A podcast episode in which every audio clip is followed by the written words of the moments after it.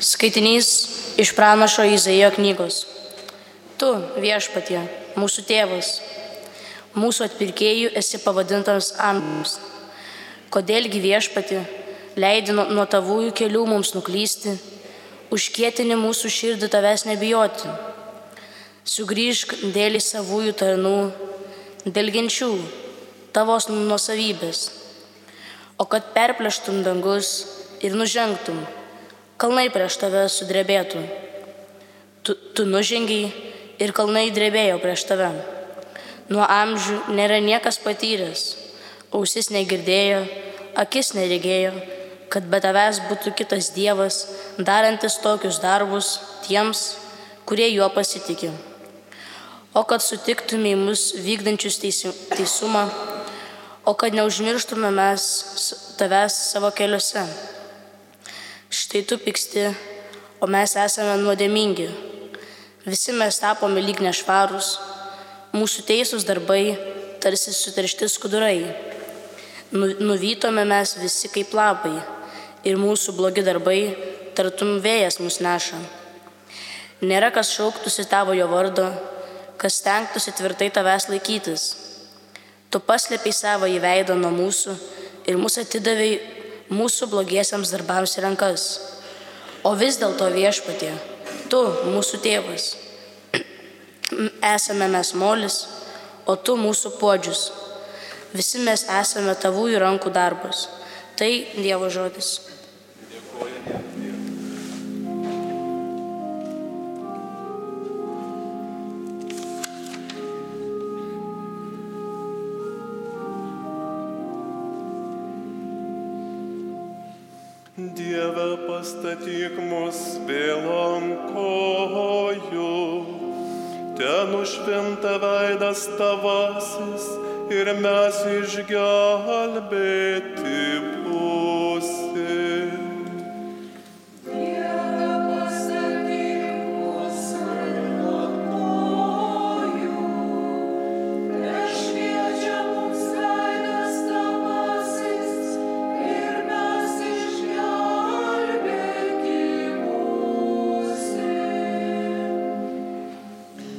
Atgręž savo ausį ganytojau Izraelio.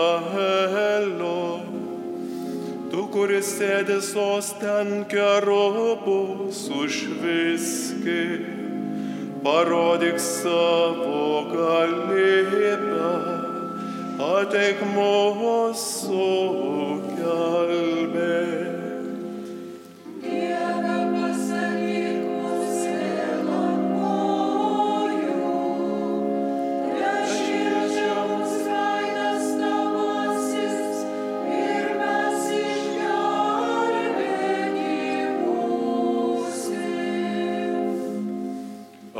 atsigręžk vėl į mus galybių Dievę, pažvelk iš dangaus pasižiūrėki,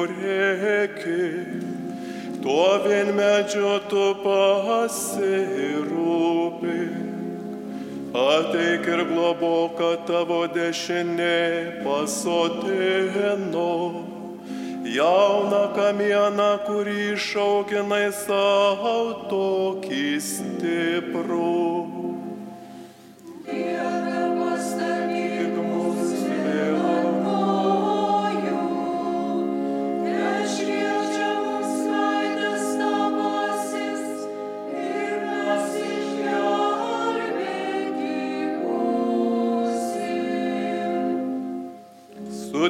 Pagalbą vyrui savo dešiniosios, žmogaus sūnui, kurį išauginai savo tokį stiprų.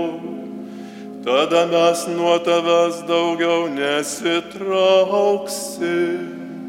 Laikyk mus gyvus, kad šlovintume tavo vardą. Pastatyk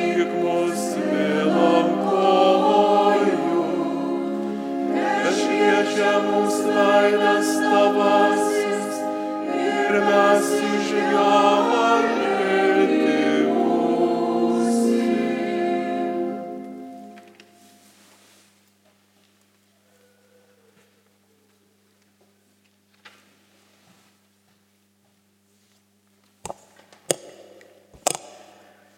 Skaitinys iš Ventojo paštalo Pauliaus pirmojo laiško korintiečiams.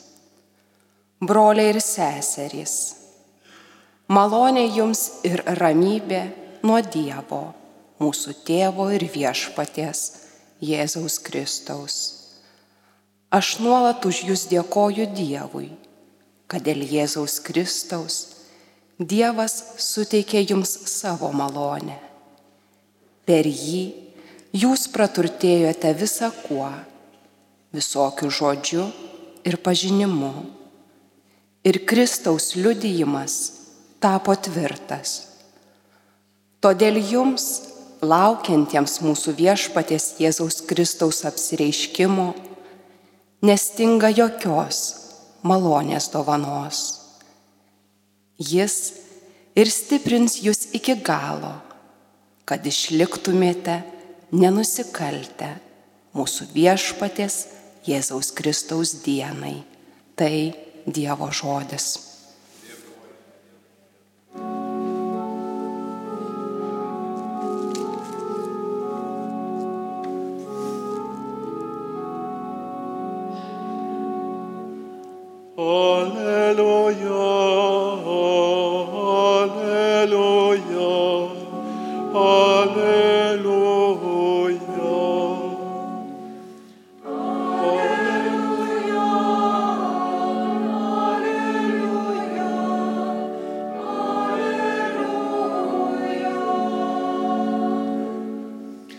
Viešpatie parodyk mums savo ištikimąją meilę ir mūsų išgelbėk.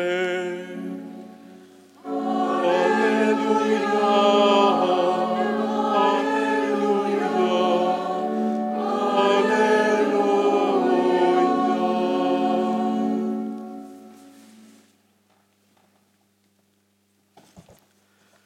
Viešpats su jumis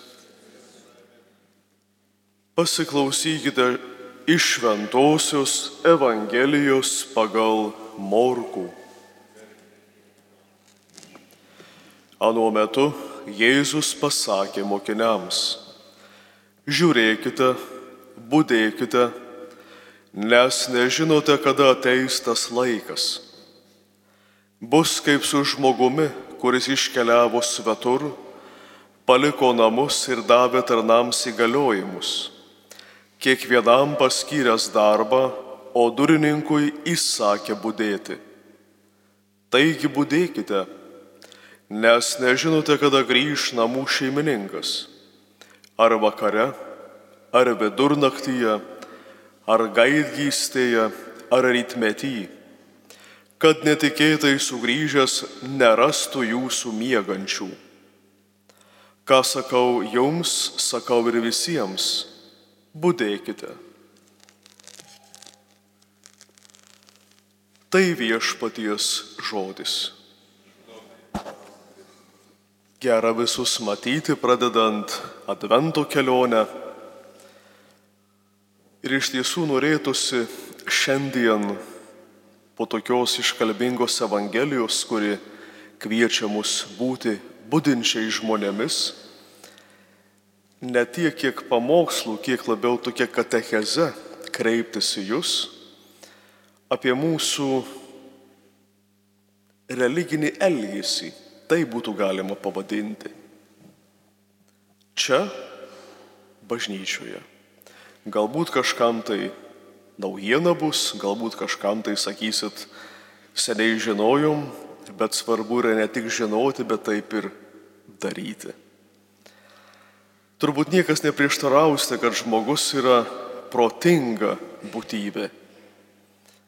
Tačiau jo elgesys dažnai byloja visai ką kitą. Kartai žiūrėdami kitų žmonių elgesį mes ištariame, nu negalėčiau tai pasielgti. Bet štai žiūrėkite, apsisuka ratas ir darome beveik tą patį. Pasikeitus aplinkybės, elgiamės taip pat kaip tas pasmertas žmogus, tai galbūt dar kartą bandom paaiškinti savo elgesį vienomis ar kitomis priežastimis, kurios iš tiesų nelabai ir pateisina vieną ar kitą žengtą žingsnį. Žmogus nuo pirmųjų savo gyvenimo akimirkų yra nuolatinėme santykyje su kitais žmonėmis. Su šeima, draugais, bendradarbiais. Gyvename didesnėje ar mažesnėje bendruomenėje. Mokykla, universitetas, maldos grupelės, choras, futbolo komanda ar štai mūsų bažnytinė bendruomenė. Ir kad tie santykiai iš tiesų būtų pilnesni pagarbos vienas kitam ir nevaržytų vieno kito laisvės, mes esame susaistyti tam tikrais elgesio kanonais, elgesio įstatymais galėtume sakyti. Bažnyčioje jie yra vadinami liturginiais veiksmais. Ir jau jie skiriasi nuo paprasto etiketo ar mandagumo, vien todėl, kad tai yra skirtas santykiui su Dievu. Pabandykime ir mes dabar minties kelionėje kartu įžengti pirmiausia į tą šventovę, į bažnyčią, kurioje susitinkame mes kaip bendruomenė su savo viešpačiu. Ko reikalauja iš mūsų įžengimas į šventovę.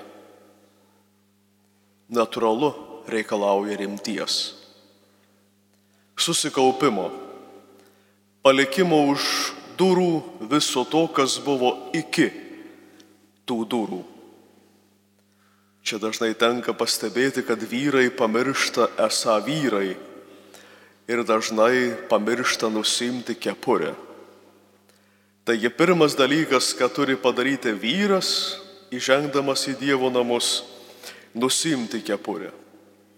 Antras dalykas, kas yra labai svarbu kiekvienam iš mūsų, mobiliems, labai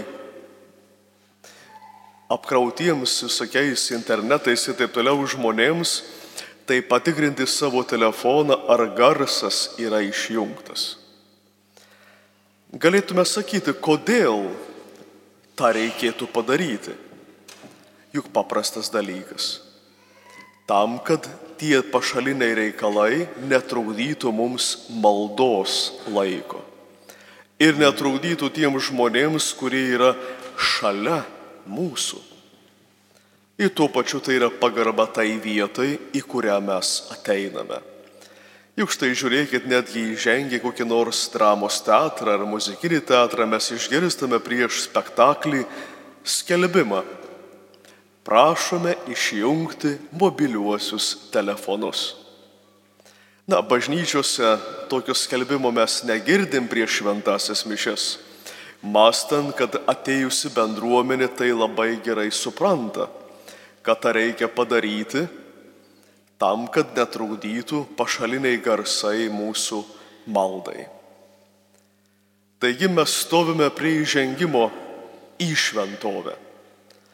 Ir pirmas darbas, kurį mes turėtume padaryti jau kaip religinį darbą arba veiksmą, tai yra žegnonė. Kiekvienoje bažnyčioje žengdami į šventovę rasite švesto vandens indelį. Ten mes pamirkome savo dešinę ranką, persižegnojame ir tarsi nuplovę savo gyvenimo dulkes, mes įžengėme į Dievo namus. Ir pirmas darbas, kurį padarome, nuplovę savo gyvenimo dulkę švestų vandeniu, klaupiamės ir kalbame labai nuostabią maldą. Tarsi labą dieną, labas rytas, labas vakaras, kurį ištariame altoriuje gyvenančiam Jėzui. Garbinkime švenčiausiai sakramentą. Jėzaus Kristaus mūsų viešpaties tikrai kūną ir kraują. Taip mes pagerbėme Dievą gyvenantį mūsų šventovėje. Galėtume sakyti, kas atsitiktų, jeigu to nepadarytume. Na elementariausia būtume nemandagus. Juk atėję į kažkokius namus, pirmiausia ir sveikiname šeimininką, kuris tuose namuose gyvena. Taigi ta malda yra pasisveikinimas su tų namų šeimininku. Kistas dalykas. Kaip atrasti tinkamą vietą savo bažnyčioje? Na turbūt reikėtų ieškoti tokios vietos, kuri padėtų matyti gerai altorių ir gerai girdėti. Jaunimas dažnai kažka, kažkodėl tai bėga į galą, senimas natūraliai bėga į priekį. Bet turbūt nei ta, nei ta vieta nėra kažkuo iš ypatinga, nes svarbiausia yra, kad gerai matytume ir gerai girdėtume. Nes ta vieta, kurio pasirenkame dalyvauti šventoje mišiaukoje, tai yra vieta, kurioje mes ir atliksime pilną dalyvavimą toje dieviškoje liturgijoje. Iš tiesų, šventųjų mišių metu mes turime įvairių gestų, įvairių ženklų, kuriuos atliekame. Štai žiūrėkit, mes prieš keletą minučių pradėjome šventasias mišes. Nuskambėjo varpas ir visi atsistojome. Kodėl galėtume sakyti?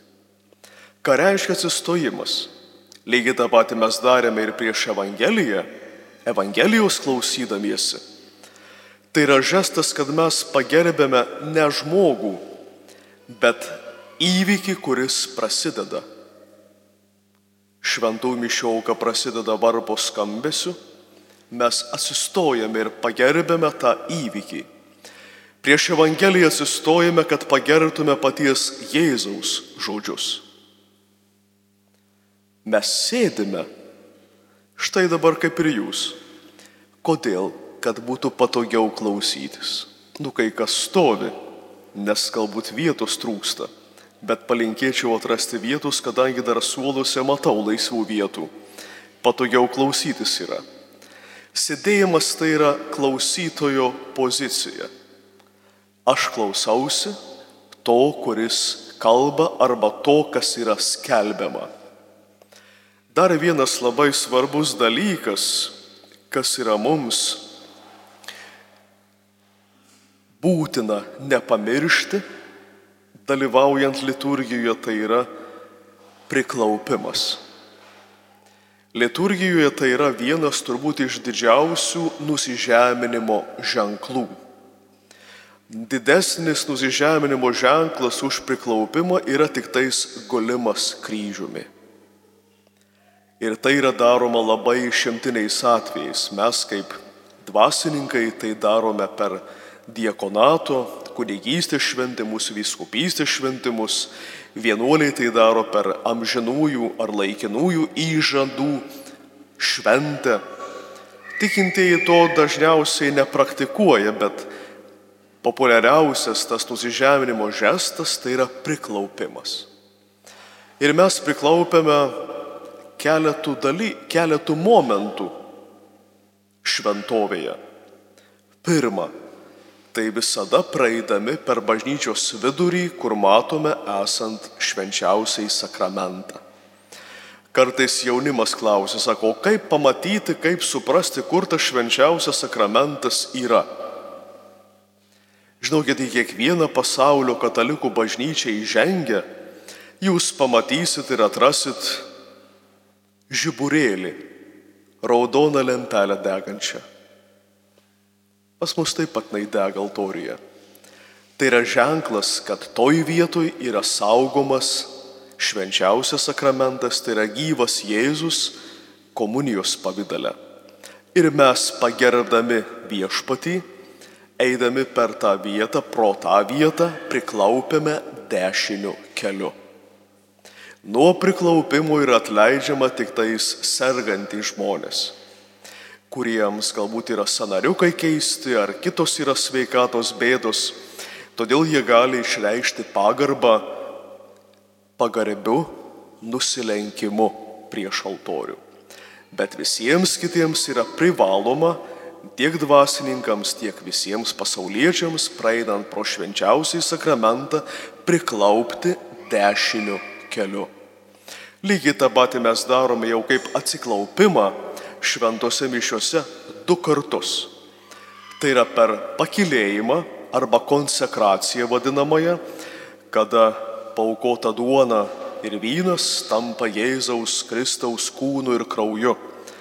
Tai ir lygiai taip pat yra nusižeminimo ir pagarbos ženklas prieš tą įvykį, kuris įvyksta čia ir dabar mūsų akivaizdoje. Ilgus metus netgi prie šventos komunijos būdavo einama atsiklaupus ir šiandien ši praktika nėra atšaukta ir jeigu tikintieji mato reikalą iš tiesų išreikšti didžiulę pagarbą, gali šventąją komuniją priimti neatsistojus, bet atsiklaupę prieš komunijos dalintoje. Kitas dalykas, galbūt prieš ką reikėtų mums atkreipti savo žvilgsnį įžengus į šventovę, tai yra daugybė altorių. Ypatingai senose bažnyčiose mes matome daug altorių. Galbūt naujosiuose yra mažiau tų tokių susikaupimo vietų, bet ką tie altoriai reiškia, galėtume sakyti. Kiekvienas iš jų yra dedikuotas vienam ar kitam šventajam. Štai ir dabar mes melžiamės palangos bažnyčioje ir vienam iš šoninių altorių mes turime šventąjį roką, kuri, kurio altorius yra atkeliavęs dar iš prieš tai buvusios bažnyčios. Ir jisai tarsi iškelia mūsų žvilgsnį į vieną ar kitą šventą ir parodo, kad mes turėtume pamastyti apie vieno ar kito šventojo gyvenimo darybės, patį gyvenimo kelią, kodėl mes jį matome altoriuje. Štai paminėtas mano šventasis Rokas iš tiesų yra žmogus, kuris garsus tikinčiųjų tarpe kaip ligonių globėjas. Ir dažnai tikrai tenka matyti žmonės, kurie žengia į šventovę, netgi ne mišių metu ir meldžiasi prie šventųjų roko, turbūt prašydami kūno ir sielos sveikatos, žvakelę uždegdami, bet tą patį darome ir prie kitų altorių, kuriuose yra pavaizduoti vieni ar kiti šventieji tarsi ženklas mums, kad šventumas visada yra žmogui labai svarbus.